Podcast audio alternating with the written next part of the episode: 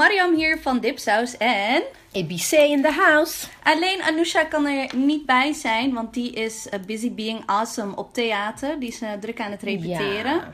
Ehm, dus nu eventjes met z'n tweetjes, want wij hebben een extra voor jullie. Een bonusaflevering. Ja, een bonusaflevering. Vandaag geen fancy studio in Hilversum.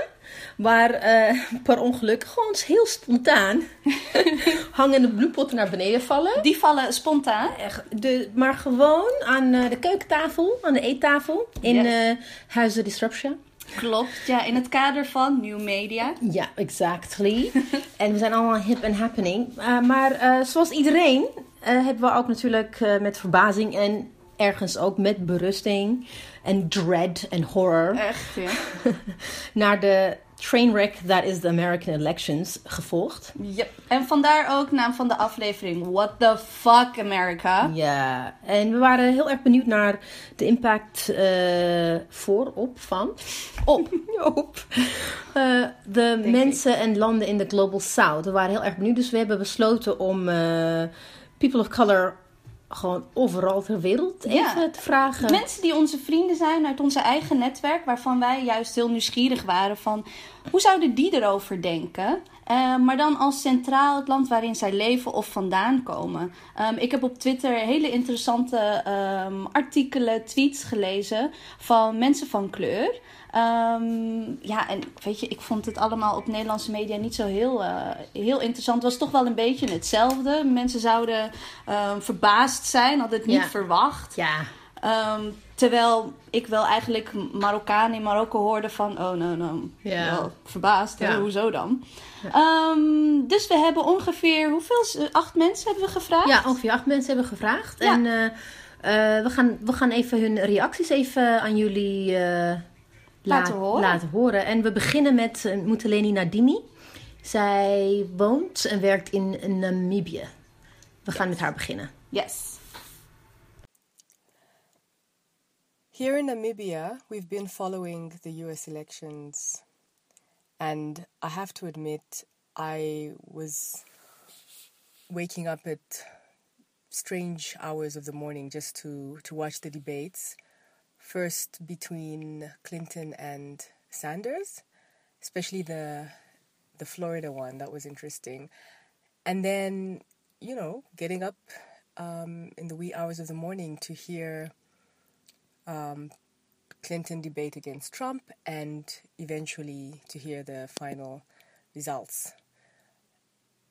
And all along, I kept saying, I'm curious to see what the American people will decide.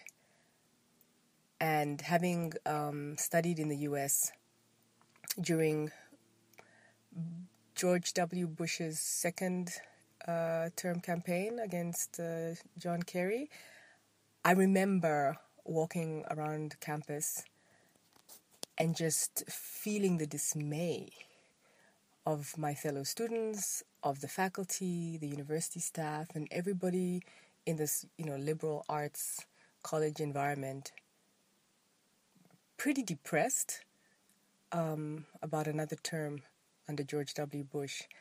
So I have a sort of healthy no, I pose. I pose to have a healthy distance between my opinions and the choice of the American people. But of course, I, I too am moved uh, by by hysterical excitement, hope um, when Obama is elected into the U.S. presidency, and by despair, dismay, shock. Um, when Trump was elected. And it impacts so much. It impacts my, my cultural consumption because all the the online newspapers, the blogs, the places I go to that bring me news from America, yeah, they were not happy places. Um, and the tone, the international tone it sets for countries perhaps less so directly in Africa, but you know places where um, there's a there's an increase in right wing nationalistic uh, poli- politics. It's it's quite um, yeah. It's it's flabbergasting that that they voted um, this kind of president into office, but it's opening up a conversation that Americans perhaps need to have, and that um, the international or global community needs to reflect on as America goes into into this. En nu uh, gaan we Nasser horen. Die komt oorspronkelijk uit Mauritanië en woont in Boston, Amerika. Donald Trump is the product of the culture of reality TV hyperconsumerism. His election was a surprise, a contested surprise for that matter today. Um, we don't know much really about what Donald Trump's uh, policies are go- going to be if we were to take into consideration the rhetoric of his campaign. He said he's literally taking every position in its opposite. Um, in general terms, the expectations for Donald Trump's policy, specifically on Africa, uh, should not be really high. Donald Trump uh, believes or views the world um, in a purely transactional terms. And my own personal prediction, based on the little that we know and the little indicators, that uh, Africa is not going to rank high on his priorities, and that whatever is going to happen with the African continent is going to be purely transactional.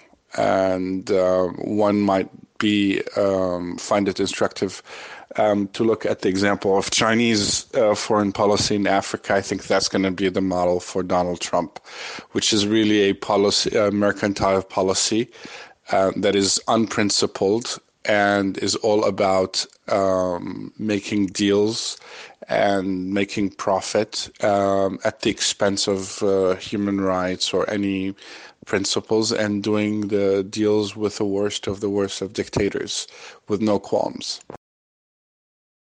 De volgende is Amina en zij is Marokkaanse uit Casablanca. Hello. Personally, I was not surprised by the winning of Trump because I was following the news of America from um, the beginning of the elections and uh, I saw this assurance on the mass media on him, and it's always the uh, uh, opposition of the results that they are seeking that happens when uh, when uh, people act like this. Uh, in the other side, I think that uh, Clinton is not an angel.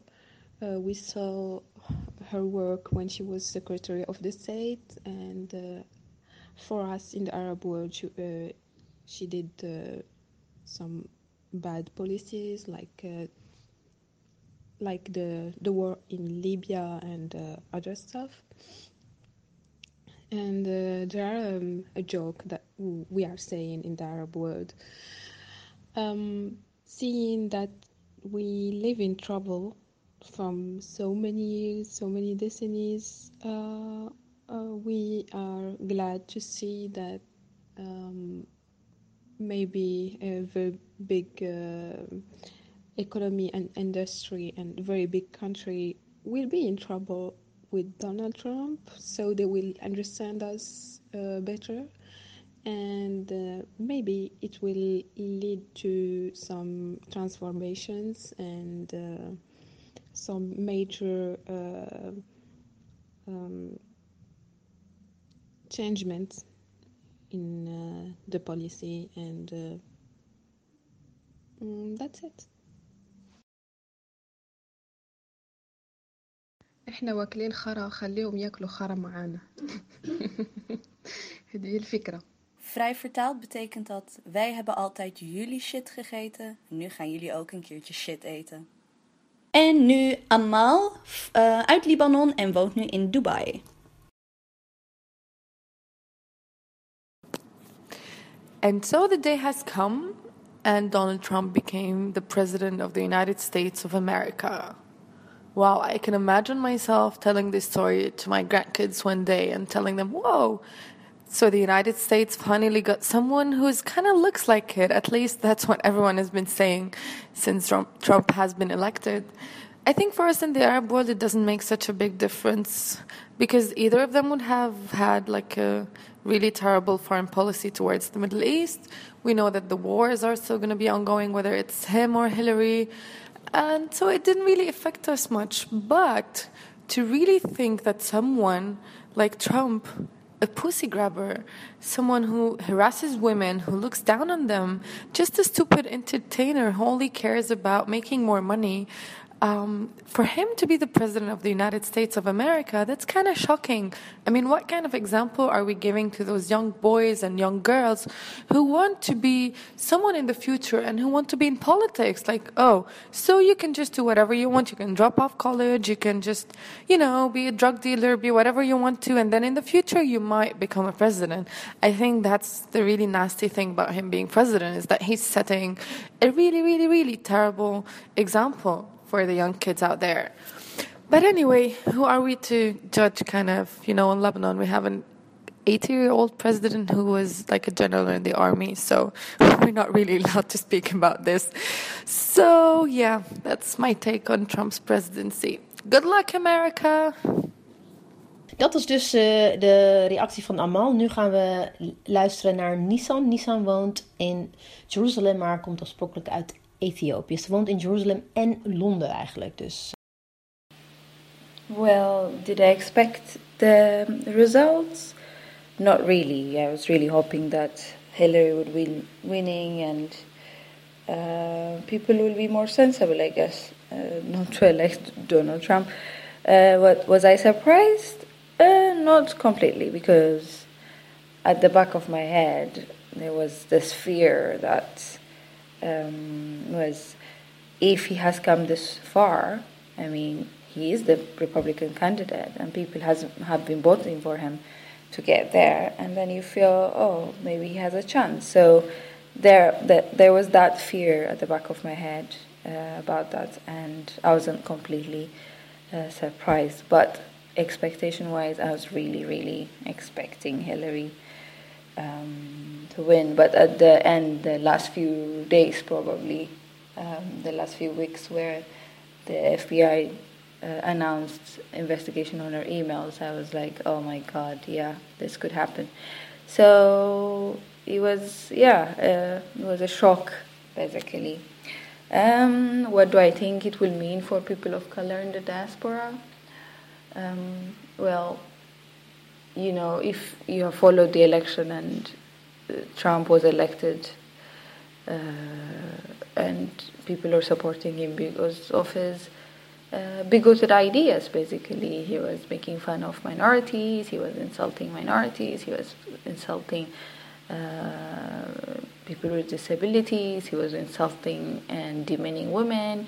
So, and people are cheering for that. So, uh, I feel even if he has done it as a like political rhetoric to get votes the people who actually believe those things and probably he would be one of them because he was saying the, saying it again and again and again um, the, the people who believe these things and who have those ideas have come out of the woods.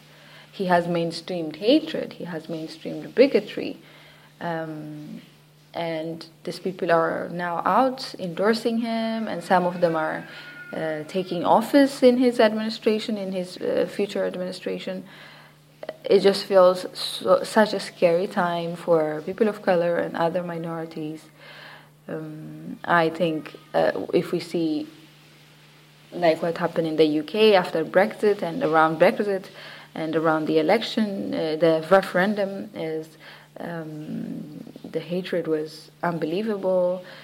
You, you can see an MP being killed by somebody who has a far right um, ideology because she was campaigning to be uh, open and to um, have the United Kingdom within the EU. And she actually lost her life, a 30 something year old young woman, very um, up and coming ambitious MP was was killed. So you can see the effect would go beyond what the guy is talking about. People could actually take on, be inspired by what he was saying, and commit crimes. And it's it's scary for minorities and um, people of color. And so I think he has set up, set back um, so much of the progress that have been made in the last how many years. So people have to be vigilant about protecting those uh, both people of color and their allies. Basically, it's not a time to sit uh, back and relax. Basically, um, uh, what happens probably in terms of uh, Africa or the global south, uh, I think it's still uncertain because the guy wasn't really elected, in my opinion, at the back of policies, and we didn't hear much of what he's going to do um, in terms of international policies, foreign policies, except he was talking about isolation, very isolationist. Uh, so he probably would take a laissez-faire um, laid back kind of an attitude or policy for the global south of Africa, but we've seen it in different administrations, like the Bush administration, the Republicans and the Democrats. When they when there's change, the policies in Africa change as well in terms of what's funded, what's prioritized, etc. So I'm sure we will see a massive change around that, but it's all up in the air, I guess. We wouldn't really know until he's in office and he starts saying things or deciding things just like that. So it's a bit of a scary perspective, but we will wait and see and hope it wouldn't be as bad as uh, we are expecting, basically. En nu volgt Elisa. Elisa woont in Duitsland en uh, she's French Guinean. So, my opinion on Donald Trump's victory as a person of color living in Germany and Europe in general. Um, yes, I, I think it's just a horrible fear that some sort of reactionary revolution is on the march, not only in the US but in in Europe in general.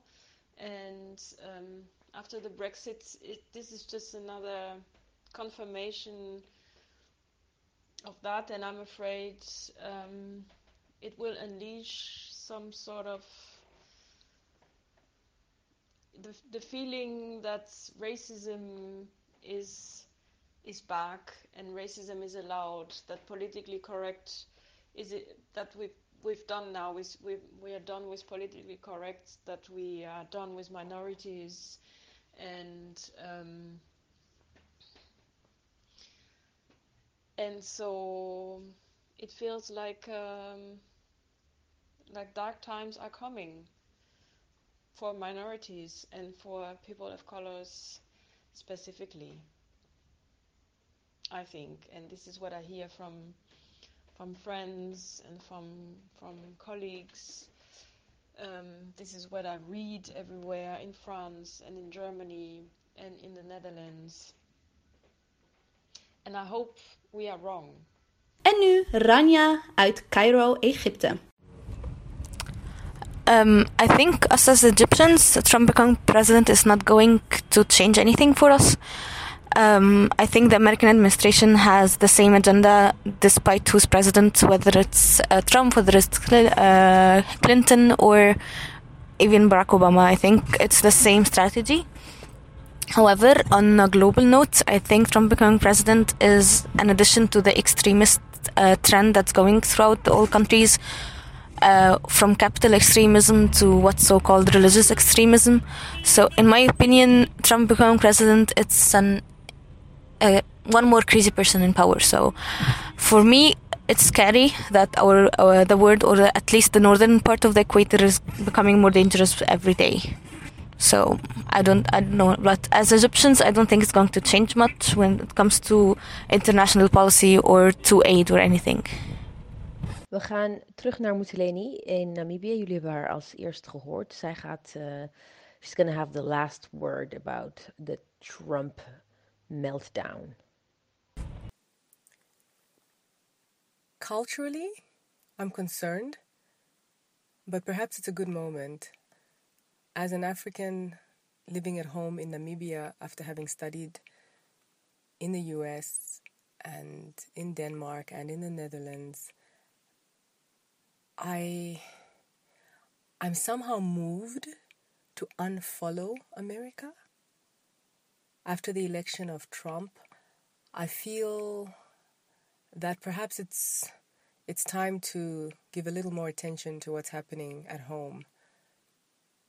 So I'm looking more and more to yeah, people, places, ideas coming out of Namibia or South Africa or Botswana, sub Saharan Africa at large, and thinking, just reflecting on the, the recent Olympic Games in Rio. Um, we've had some outstanding performances there. And it's been good, like, just to be on Twitter and to support our athletes. Uh, also, we, we've had the Paralympics, and Namibia featured and I felt, you know, there I am. I'm I'm supporting our our athletes and our team, but I'm also obviously following every comment on you know what the U.S. gymnasts are doing. Um, or what Leslie Jones is, is saying from Rio, and I'm thinking everything from sport to to news to music to fashion to to writing it's it's really you know North American and it, Eurocentric, and my my my just my cultural consumption, um, my my cultural criticism. It all comes from from the North, from the global North, and I think, isn't it time to just unfollow America for a little while? and just you know look a little closer to home sometimes when it comes to inspiration in in whatever domain and maybe focus a little more on on what my president is doing here and how that is impacting us and what it is that we are doing that makes an impression globally. And step away and let let America have time to reflect. And of course I'll observe that no doubt. But this has been a moment it just allows for distance. I don't want to tune in to the blogs and online newspapers coming from the US for a while. I just I'm not interested. And it's because I'm upset, it's because I'm dismayed. But you know, maybe I've been a little too dependent on them and I should set my dreams on my actual reality it's going to be interesting, that's for sure. Um, but it'll make America more introspective and perhaps in a strange way make some of us more introspective.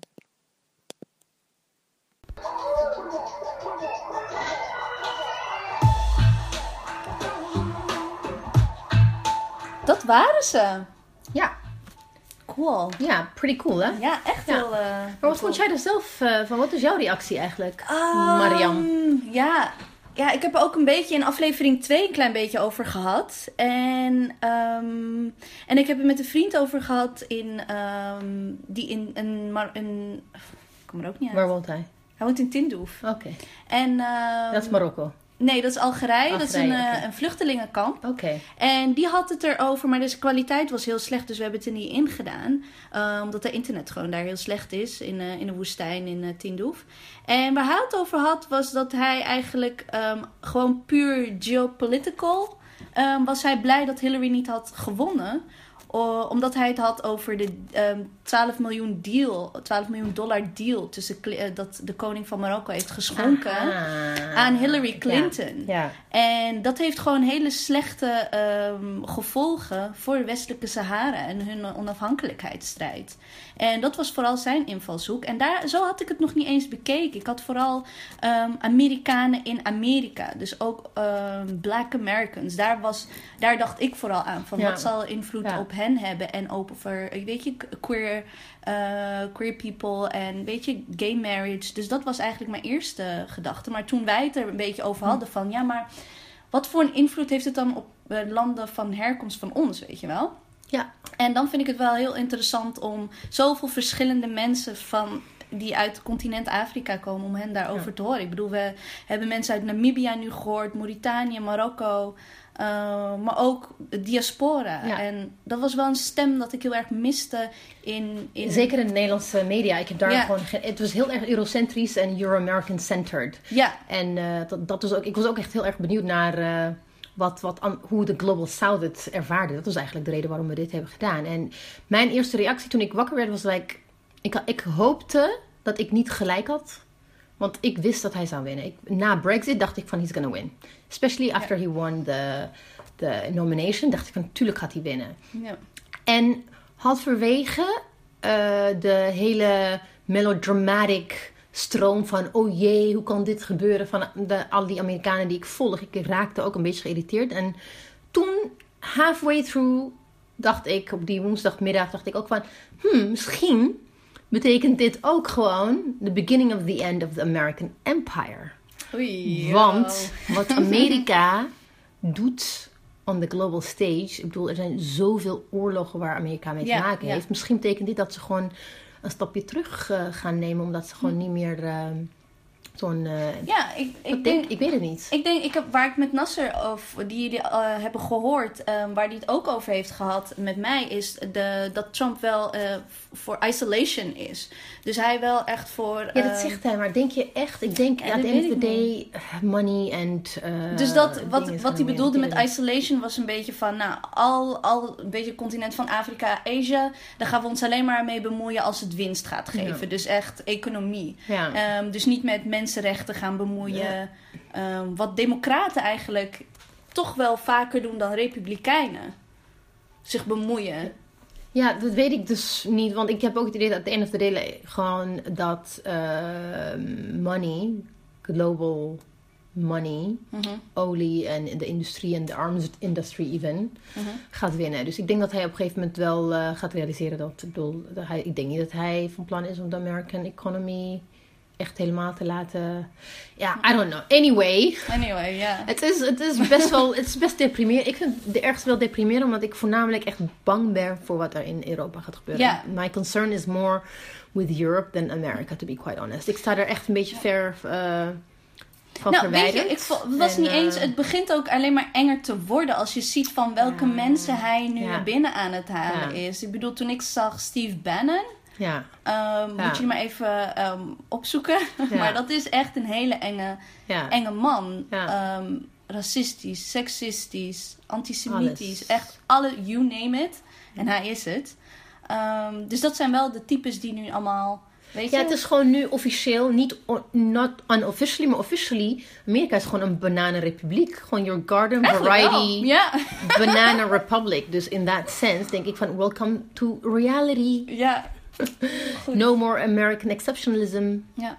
Nou, wij hopen in ieder geval dat, ehm, weet je, dat we ook, dat jullie het interessant vonden. Ehm, wij vonden het, wij delen dit graag met jullie en wij hebben daar nu een platform voor. En wij willen dit ook vaker in de toekomst doen. More voices, niet alleen eh, ons drietjes, maar eh, meerdere mensen. Ja, dat is de bedoeling, ja. Ja, en 4 december. Nee, shit. Wanneer? Vijf- 6 december? Weet ik niet meer. Volgende- 6 december. Ja, Onze volgende ja. aflevering is op 6 december. Subscribe voor onze nieuwsbrief van de geweldige mannen bij Revue. Ehm, zodat je op de hoogte blijft. En ehm, tot dipsaus. Top dipsaus. Until the next time. Bye bye. We did it! Yes! Oh my god. Aan de keukentafel. Pa,